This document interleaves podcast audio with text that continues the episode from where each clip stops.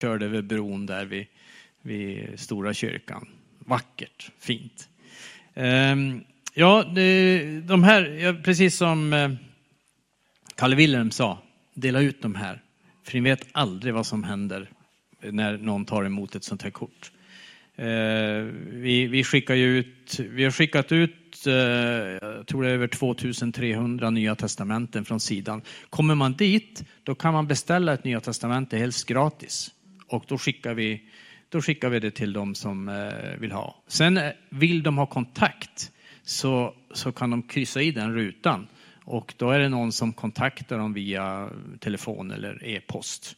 Och senaste tiden så har det varit eh, Börje Svensson härifrån som har suttit och, och eh, skickat ut också biblar till dem som, just de människor som vill ha kontakt. Och det är inte få. Det är många som vill ha kontakt. Nu är ju människors väg väldigt olika, eh, alltså när det gäller att komma till tro.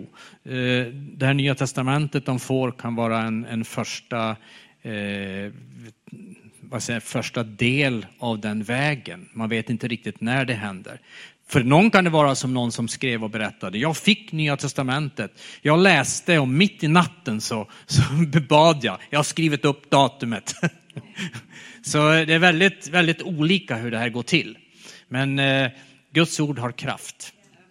Jag tänkte, jag tänkte för ikväll, jag har, jag har eh, inte eh, plågats, men burits av en tanke när det gäller väckelse. Vad är väckelse egentligen?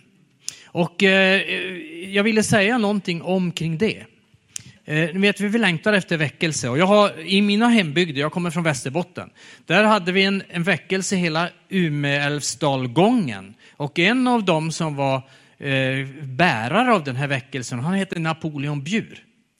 Och man sa om honom när, när han skulle ha möten, nu kommer Napoleon och väckelsen. Därför det var som inträffade när han kom, det var att de möten som han hade, det var på något vis på ett alldeles speciellt sätt så att människor berördes av Gud. Och det blev dopförrättningar som resultat av de här eh, tillfällena. Och man kan ju fundera på, på vad, vad väckelse är för någonting. Och jag tänkte på, egentligen på tre saker. Det första jag tänkte på, det är eld.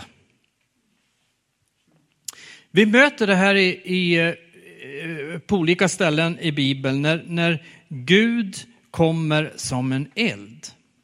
Och det, eh, när vi tänker på det här med väckelse så ser vi ju, när vi har bett för de här områdena så ser vi, ja, det skulle behövas någonting i det här området. Och ibland så är det så att det onda liksom kryper nära. Och vi ser det i, när Elia är på Karmel. För då är det så här att eh, när Elias står där på Karmel i första kungaboken 18, där 36 till 38, så, så säger Elia, svara mig Herre, svara mig så att detta folk förstår att det är du Herre som är Gud och omvänd du deras hjärtan. Då föll Herrens eld ner och förtärde brännoffret, veden, stenarna och jorden och torkade upp vattnet som fanns i diket. När allt folket såg detta föll det ner på sina ansikten och sa, det är Herren som är Gud, det är Herren som är Gud. Eh, på, I olika tillfällen så ser vi det att Gud kommer nära och då kan han komma som en eld. Jesaja så möter vi det Jesajas kallelse. När han möter, när Gud kommer nära så förstår Jesaja, nej, men jag är inte ren. Och då tar kolet från elden och tar, kommer till hans mun och så får han bli renad. Och vi möter det här med eld, möter vi också i Apostlagärningarna 2. Det står när de hade bett där, så precis i början av Apostlagärningarna 2 i första verserna så står det att den helige ande föll och tungor så som om eld visade sig över dem, så talade de språk. Så vi ser det gång på gång så ser vi hur den här, den här elden på något vis är, är Guds närvaro, Guds, Guds kraft i verksamhet. Uppe i Norrland så hörde jag berättelser om dem som blev, blev eh, omvända, där man såg eld ovanför dem. Man till och med såg eld ovanför kapell. Det var som att det brann. När, när väckelsen var färdig, och i, nu från mina hemtrakter i, i, igen, Kroksjö, en liten by utanför Lycksele. Och den här lilla byn, jag hörde talas om att det hade blivit, nästan alla hade blivit omvända i den här byn. Så jag sa det vid ett tillfälle när jag var nere i Halmstad. Då kom det fram en äldre man efter mötet och så sa han, jag måste få hälsa på dig. Och säger han, det var min, jag tror det nu var farmor eller om det var mormor, som var i Kroksjö och hon bad i stallet. Hon bad för sina, jag tror det var elva barn. Hon bad för byn och så bjöd hon in predikanter i sitt hem att komma och hålla möten. Och han sa, det finns nedtecknat 80 procent av alla som bodde i den här bygden kom till tro. Det kom en väckelse som berörde hela den här bygden. Och vi, vi möter det här gång på gång så möter vi det här med väckelse och att det blir, det blir någonting som är, det, det är inte bara att det, vad ska jag säga, det, det, det evangeliet på något vis börjar få framgång, utan det är som att det händer något som bara skakar om ett helt sammanhang, en hel stad, en hel bygd. Och det här möter man gång på gång i väckelsehistorien. Man kan göra nedslag i väckelsehistorien och se det, att på något vis inträffar de här ögonblicken när väckelsen kommer. Azusa Street 1906. Då hade man samlats och man hade bett och man hade haft, William Seymour hade haft eh, bibelstudier och det hade pågått i fem veckor. Och så började man en böne och fasteperiod på tio dagar. Den tredje dagen så bara då, då, är det någon som upplever andens dop och så berättar han det kvällen efter och då är det flera stycken till. Plötsligt var lokalen för trång. Då fick vi hyra en annan lokal och bröt ut en väckelse som skakade hela det området. Men samtidigt nästan så bad man i, i ehm, Wales, Evan Roberts, början på 1900-talet. Och där bröt ut en väckelse som man sa att eh, de som det omvända och jobbade i gruvorna blev så annorlunda så eh, hästarna visste inte hur de skulle bete sig, för de svor inte längre åt dem. Så det var en, en skakade om hela, hela områden. Man berättar samma sak från Indien, från Kina i början på 1900-talet. Det var precis som att någonting hände som bara eh, omskakade hela vår, vår värld vid den perioden. Och de här Keshvik-konferenserna i början, slutet på eh, 1800-talet, början på 1900-talet, då hade man ett litet bönekort som var sänd en väckelse och börja med mig. Så, så och det här hade de i de här bönekonferenserna som ett tema, sänd en väckelse, sänd en väckelse. Så hela början på 1900-talet var det precis som att det bara exploderade. Eh, men det här kan man möta också lokalt på olika, vid olika tillfällen. Jag vet inte om ni har hört talas om väckelsen på Hebriderna eh, 1949 till 1953. Då var församlingarna så bekymrade för att det var någon församling som tog upp, vi har inga ungdomar på mötena. Så de skrev en skrivelse och skrev i skrivelsen att, att det, det är ingen iver för religionen längre. Vad ska vi göra? Då var det två tanter, 82 84 år. Den ena var blind. Och de upplevde, vi måste be. Vi måste be. Så de började be hemma på nätterna, de här tanterna. Och så får en, en av de här tanterna får en syn en natt. Hon ser fulla kyrkor med ungdomar. Hon pratar med sin, sin församlingspastor och då säger, då säger han, jag tror att det är från Gud, vad ska vi göra? Ja, vad säger den här tanten? Ni ska be. Samla din, din, dina ledare och så ber ni två gånger i veckan. Var, två nätter i veckan så ber ni. Och vi ber på vår sida om ön. Vi ber också mellan, och då tror jag var mellan klockan 10 och 3 på nätterna de skulle be. De bad i tre månader. Bad de om väckelse. Och så efter tre månader så när de samlade där i, här, i den här ladan som de hade samlats, pastorn och hans ledare. Då är det en som reser sig upp och säger, vi står här och ber, men hur är det med våra hjärtan egentligen? Är jag ren inför Gud? Och så, och så kommer Guds ande. Och de kallade på en, eh, en pastor som eh, eh, han, de ville att han skulle komma och predika och han fick ett, ett återbud på ett ställe Så han kom dit och när han kliver i land så möts han av en som säger Välkommen, vandrar du med Gud? och då säger han Ja, jag fruktar Gud i alla fall. Första kvällen upptäcker de när de har möten att det är någonting speciellt i atmosfären. Men det händer inte så väldigt speciellt förrän några kvällar senare när de är samlade i den stora kyrkan på ön. Då kommer Guds ande så att han kan inte predika. Människor ligger i bänkarna och ber och de, de, eh, det sker omvändelse efter omvändelse. Efter tre timmar ungefär så säger han, ja nu, nu, nu uttalar jag välsignelsen. Och så uttalar han välsignelsen och när han hade gjort det och var på väg ut så kommer en diakon och säger, du kom, kom, titta. Och så går han ut bakdörren i kyrkan. Då står det 600 personer utanför där. Folk har kommit och de är tvungna att släppa in dem i kyrkan. En buss har kommit och i bussen verkar Guds ande så de kan inte, alla kan inte gå från bussen. För det är sån atmosfär där. Och de berättar att han skulle ha varit där i 14 dagar, han stannade i två år på Hebriderna. Och, och det, blev en, det, det, var en väckelse över hela det ö, de här öarna som påverkade allting. Allting påverkades. Det finns, det finns sådana här nedslag i, i vår väckelsehistoria. Och jag läste om ett nu som är nutida, helt fantastiskt. Har ni hört talas om eh, Calvary Temple i Hyderabad? I Indien.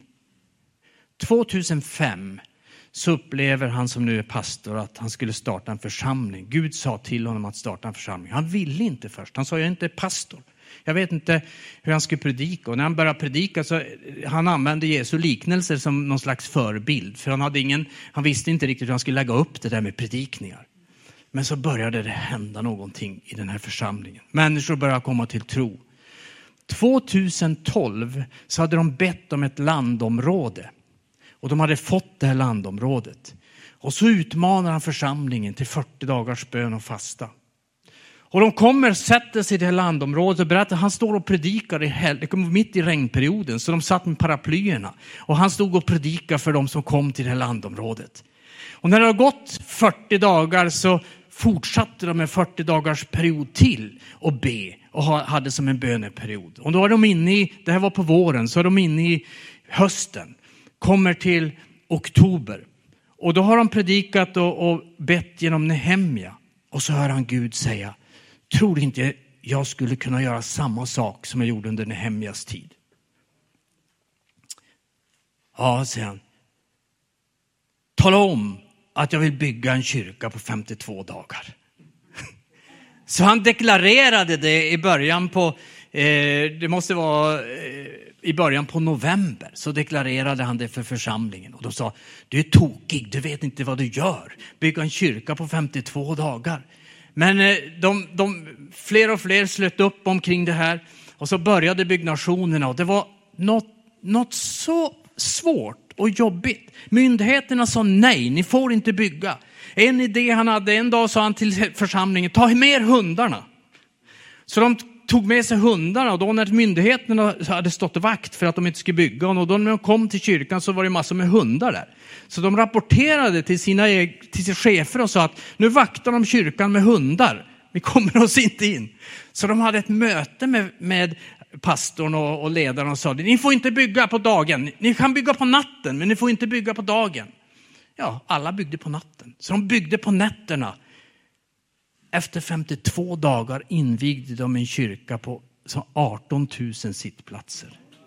Idag är församlingen närmare 250 000. I Hyderabad. Gud verkar som svar på bön. Och Gud kan göra precis vad som helst när vi ber. Gud är inte begränsad av, av oss. Han är inte begränsad av omständigheterna. Han är inte begränsad av att det, det, det pågår saker i, i de här olika stadsdelarna. Gud kan göra precis vad som helst.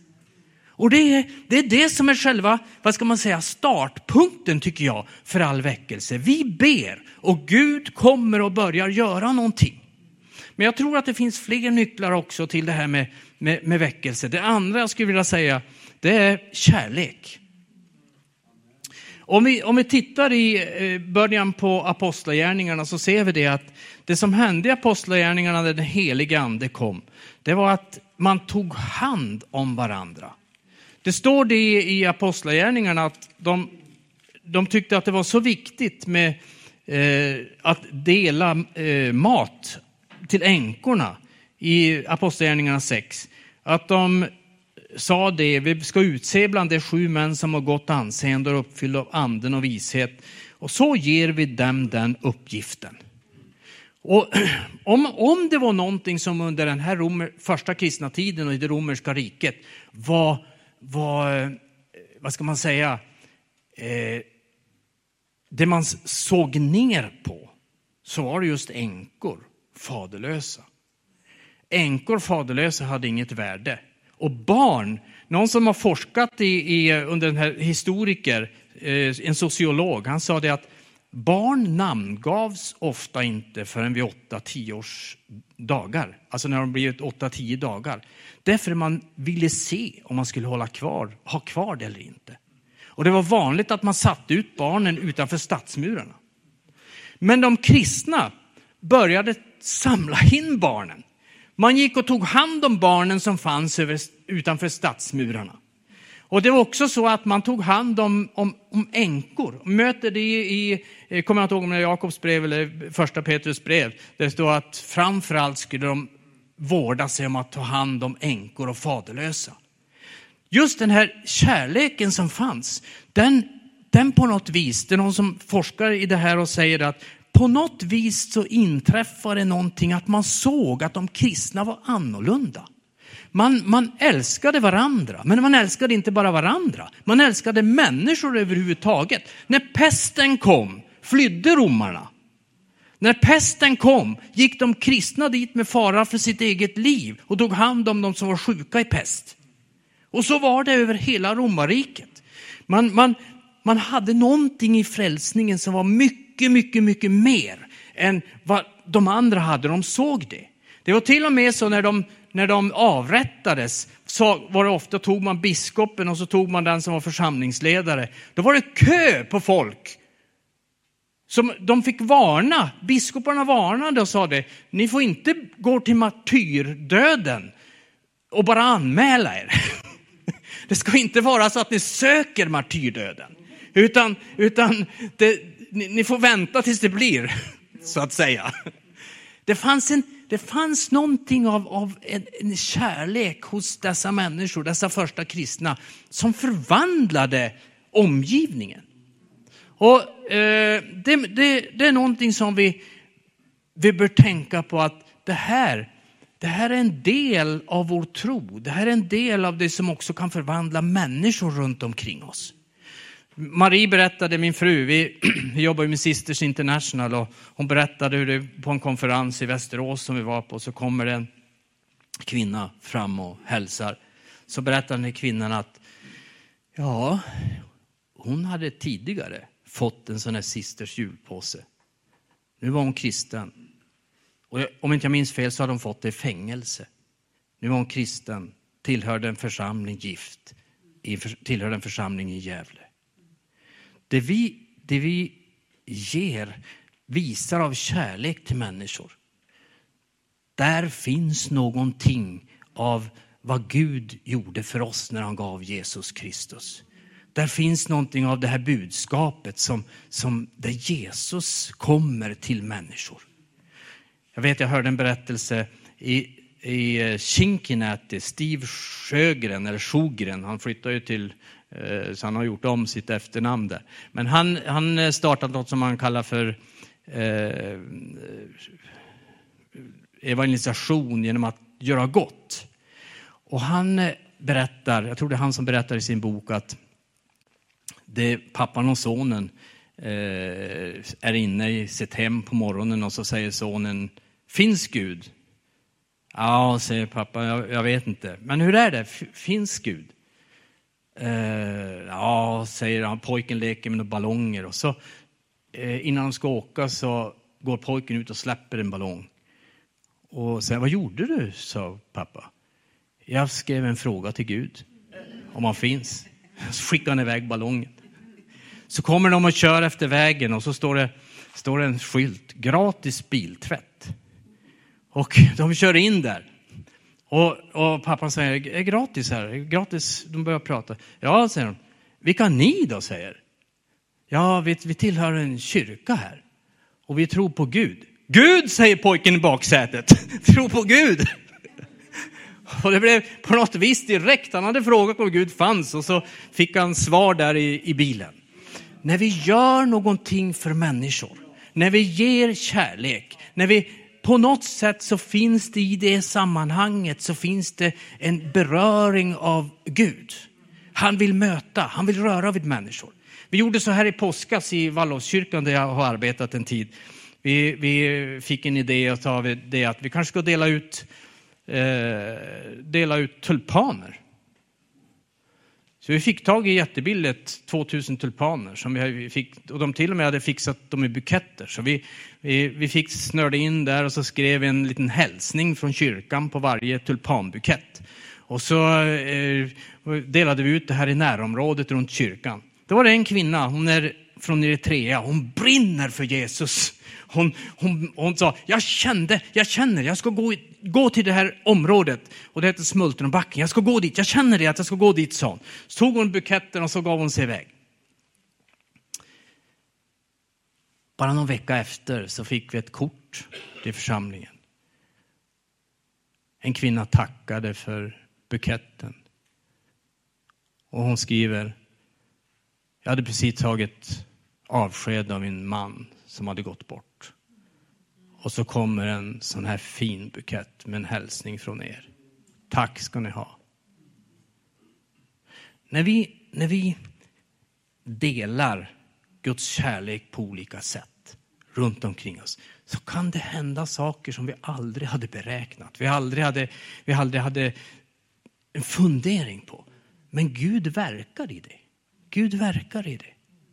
Så jag tror att det är en, det är en del av, av väckelse, att vi tar fasta på det och vi, vi låter den, Gud, den helige ande, ge oss inspiration och kreativitet. Vad kan vi göra för något? Soppkök eller vad som helst. Vad kan vi göra som gör att vi möter människors behov? Vad finns det för behov här som vi kan möta människor som talar till dem och visar kärlek till dem? När vi visar kärlek till människors behov så händer någonting. Och det är en ingång också för Gud att verka. Eh, jag hade med mig en liten bok här som heter The Way Back. Och det, eh, den är skriven av eh, Phil Cook och Jonathan Bock. Phil Cook skriver jättebra saker, jag brukar läsa mycket av hans grejer. Han berättar att det var en, det här är ett rikt område i Fort Worth i Dallas. Och då var det någon kristen där som fick en idé. Det, det är så stökigt i områdena trots det. Och det var, tänk om man skulle göra en, en grupp, och de kallade det för Care, så att bry sig om, men det var en förkortning av någonting. Vi, vi, vi går till hyresvärden och så säger vi, om de får bo gratis i en av era lägenheter, ett par, så kommer de att jobba 80 timmar varje månad bara för att skapa en trevlig miljö i det här huset där de bor. De kommer att fixa basketturneringar, de kommer att fixa volleyboll, basket, ja allt, allt möjligt. Och de kommer att hälsa på människor. Det har blivit en succé. Det här är inte så många år sedan. Det, det finns hundra grupper nu som finns i det här området. Hus efter hus har de intagit och sprider Guds kärlek. De talar inte i första hand om att de är kristna eller att de har delar evangeliet. Men följden av att de visar Guds kärlek på det här sättet, följden av det blir att människor blir nyfikna. De börjar fråga, de funderar, vad är det här för någonting? Vad har ni? Och så följer det att de kan vittna. Det tredje jag tänkte på, och det, det står så här i Apostlagärningarna 4, vers 20, eller 19 kan vi läsa också. Men Petrus och Johannes svarade dem, döm själva om det är rätt inför Gud att lyda er och inte Gud. För vi för vår del kan inte tiga med vad vi har sett och hört. den stora berättelsen om Jesus Kristus. Där det berör människor. Vi har fått, vi, vi, kan ju se vad människor söker på när de söker på nätet på, eh, och kommer till sidan. Vid ett tillfälle var det någon som skrev in i Google sökmotorn Jesus, nu orkar jag inte mer. Och så tryckte de på sökknappen. Och så hamnade de på jesus.se. Idag så finns det ett, ett sökande efter Jesus som är tydligt, som är öppet. Människor, vi får in bibelbeställningar och säger, jag vill veta mer om kristen tro. Någon kan skriva, jag vill bli frälst, jag vill bli kristen. Skicka en bibel. Öppet, ett öppet sökande finns runt omkring oss. Och vad är det då som är vår uppgift och som jag tror är en del av väckelse? Det är att ge den stora berättelsen om Jesus Kristus till människor. Så, så, som vi bara kan, på olika sätt. Och människor är olika. En del de går till hemsidan och tittar på, på den här hemsidan. Vi, vi fick en berättelse från en kvinna i, i, nere i Ängelholm. Hon hade ett sånt där kort i fickan och så skulle hon in på en dataaffär. Och så när hon kommer där så står det en kille där och, och han håller på med mobiltelefonen. Och hon tycker han ser så ledsen ut så hon går fram och så ger hon honom kortet och han tar det och så går hon in i affären. Och så när hon kommer ut så vinkar han eh, och de börjar prata. Han, han frågar eh, lite frågor. Och det slutar med att hon hämtar upp honom på söndag, följer, han följer med till kyrkan. Och han är döpt nu och medlem, vad jag förstår, medlem i den församlingen. Eh, så det är väldigt olika. En del, en del behöver läsa en tjock bok. Jag har eh, en, eh, en kvinna som jag vet om som hon, hon fick Anita Barkers Det finns frihet. Och den är en, det är en ganska tjock bok. Och hon läste och läste och läste. Hon läste nästan i, eh, jag tror det var sju, åtta månader satt hon och läste den. Och hon ringde till min fru och sa det att, ja, eh, det är det som står på den sidan och den sidan. Hon kunde nästan boken utan till. Så ringer hon en onsdag och beställer frälsning, tid för frälsning på fredag. Det, det, det, är så olika vad, vad människor, vilken väg människor tar till tro. Men det viktiga för dig och mig är att vi, har, vi, vi ser till att vi delar vem Jesus är för människor. Vi, vi talar om vem Jesus är och det kan vi göra på så många, många olika sätt. Men att vi aldrig backar för det. Att vi förstår att människans innersta behov, det är att få tag på Gud. Och det får man genom Jesus Kristus. Då får man tag på Gud. Och det här kan vi sätta i, jag, jag, har, jag har satt det i system eh, genom att jag vet att människor söker. Man söker på Jesus på nätet. Man söker, så jag behöver bara ligga där med den här sidan och, och liksom vänta att människor skriver in Jesus som sökord. Så kommer man till sidan. Men det finns så många, många olika sätt. En del, en del blir nyfikna om de får en bok i handen, en del blir nyfikna om de får en tidning. En del behöver på sitt eget språk behöver få information. Och när de får det och är i ett främmande land så är det mycket, mycket lättare att de tar steget över till någonting helt annat. Så det är en öppen dörr på olika sätt för, för oss idag. Och jag tror, jag tror att idag, det håller på att hända någonting i Sverige idag. Jag, jag, eh, jag var på väg till Gävle här i, ja det var nog förra året.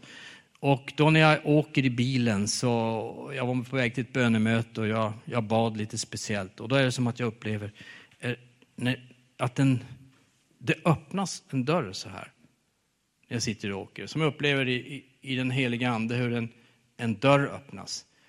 Så när jag kommer till den här samlingen så berättar jag det, talar om det att ja, jag, jag tror att det är något speciellt på gång. Eh, I sommar så hade de eh, var de med på cityfesten. Och de sa, det var, det var märkligt. Vi hade ett tält med bord och med böcker och biblar. Folk kom in och ställde sig och tittade och sen tog de med sig. Och de delade ut böcker och biblar. Mitt i veckan kom det någon rapport. Vi, vi har slut på de biblarna, vi har slut på dem. Kan, någon som kan fixa? Eh, människor var hungriga. Och idag så är det så, det finns en, en hunger i landet. Vi hade sångstunder i sommar i, i Stadsparken i, vi har aldrig haft så mycket folk. Vi hade förra sommaren också, men den här sommaren så fortsatte vi och hade sångstunder i Stadsparken i, Sandviken. Och det stod folk, en del stod nästan och gömde sig bakom häcken, liksom, där vi hade, innan vi hade, det, vi hade som en liten estrad. Men det var folk lite här och där som var. Eh, de berättade att det var, var det minst var det 150 varmkorv de delade ut. Eh, så det var, rörde sig om en, mellan 100 och 150 personer som var där de här kvällarna. Folk är hungriga efter någonting som kan ge livet mening och, och någonting som kan skapa innehåll i livet, verkligt innehåll. Och då är den stora berättelsen om Jesus Kristus. Någonting som landar rakt in i den ensamheten, i det behovet och som kan möta människor. Och jag, jag har för min egen del en önskan om att vi, vi, vi kunde få upp, vad ska jag säga, att vi kunde få ett strategiskt tänkande för det här. Att vi kunde fundera på, ja hur ska vi, den här stadsdelen, Krusgårdsberget, vilka, vilka bor här? Hur många tusen bor här? Och så funderar jag på hur skulle vi kunna nå varje person i Krusgårdsberget med evangeliet? Eller ta ett annat område och fundera, ja, hur skulle vi kunna nå här? Och vad kostar det? Och så gör vi en strategisk plan för att nå människor runt om där vi bor. Och jag tror att vi skulle få se mycket. Men de här tre sakerna hör ihop. Det här, det här första, bönen där vi upplever hur Gud på något sätt bryter in och gör någonting. Och det andra, kärlek, att vi lever ett liv som visar på Jesus Kristus och den stora berättelsen. När det här får komma ihop på något sätt, att vi, vi, vi börjar ropa efter Gud, ropa gör någonting, gör någonting i vår stad och att vi inte ger oss. Jag vet inte om ni har hört talas om kampanjen som eh, eh Ruben Archer hade i Melbourne. Han skulle dit, och det här var också början på 1900-talet, han skulle dit och ha en kampanj. Innan han kom, ett år innan, var det en kvinna som upplevde att det finns någonting i det här uttrycket att be sig igenom. Så hon började ordna böne, bönegrupper i stan. Så när han kom dit så var det 1700 bönegrupper i stan som var organiserat runt hela stan. Och Ruben Archer Torrey, han hade hemma i USA så hade han, hade han mobiliserat 5000 bedjare för den här kampanjen. När de kom till stan, två första veckorna så hade de möten på 40 olika platser och det var inte bara han som predikade. Det var, de, hade, de hade mobiliserat varenda predikant de kom åt, förstår jag. Och så hade de 40 olika platser. Och så i sista två veckorna så hade de i stadshallen, mitt i centrum av Melbourne. Och det berättas att i den här kampanjen, och nu ska jag se här så att jag inte säger fel siffra. I den här kampanjen så var det 8643 människor som blev kristna. 8643 människor blev kristna. Det var, det var liksom skakade om hela stan. Och det här kan ju hända där jag och du är också. Det här kan hända att Gud kommer och han, han gör någonting alldeles speciellt. Ja, det var vad jag tänkte säga ikväll. Tack Herre för att du kommer och du möter oss var vi än är, var vi än finns. Här i här i Eskilstuna. Låt oss få uppleva hur du kommer med din, med din heliga ande och hur du kommer med din eld, din närvaro, fyller oss med din kraft, Herre. Låt oss få uppleva hur vi får vara redskap åt dig. Du såg de första lärjungarna, de väntade och väntade och så plötsligt så fick de uppleva det på pingstdagen, hur den heliga ande kom och tungor som eld visade sig. Och det hände någonting i hela deras omgivning. Och vi har sett det i väckelsehistorien också gång på gång, hur, hur det, har, det har hänt någonting för att du har kommit nära. Och så ser vi också hur det, när vi lever vårt liv, visar på dig genom kärlek och berättar den stora berättelsen, så händer det också någonting i människors liv. Ber dig om en, en tid här i Eskilstuna när du vi ber dig inför den här kampanjen som kommer om ett och ett halvt år. Att du ska mobilisera ditt folk, Herre. Mobilisera ditt folk i en förberedelsetid, Herre. Som inte bara är en förberedelse för den dagen då, utan kommer att innebära också att människor redan från och med nu börjar ta emot dig i sina liv. På grund av att det finns den här, den här kontakten med dig och den här viljan, den här riktningen, Herre. Tack att du möter oss var och en. Du ser vad jag behöver där jag är. Du vill möta, du vill välsigna, Herre. I Jesu namn. Amen. Amen. Du har lyssnat till en predikan i Pingstkyrkan i Eskilstuna. Om du vill höra den igen eller höra andra predikningar eller se, då finns vi på TV Eskilstuna och vi finns på Youtube där du hittar oss under eh, Pingstkyrkan Eskilstuna. Du kan också klicka på prenumeration om du vill veta när nya predikningar läggs ut. Alla är välkomna hit. Du är varmt välkommen att eh, kontakta oss eller besöka ett av våra möten eller kyrkan. Eh, du kan också ringa till oss eller skriva på vår mailadress om du har en fråga eller om du önskar att vi ska be för dig eller för en situation. Det finns också mer information om oss och våra möten, aktiviteter för alla olika åldrar på vår hemsida och även på vår Facebookgrupp. Jag önskar dig allt gott och Guds välsignelse.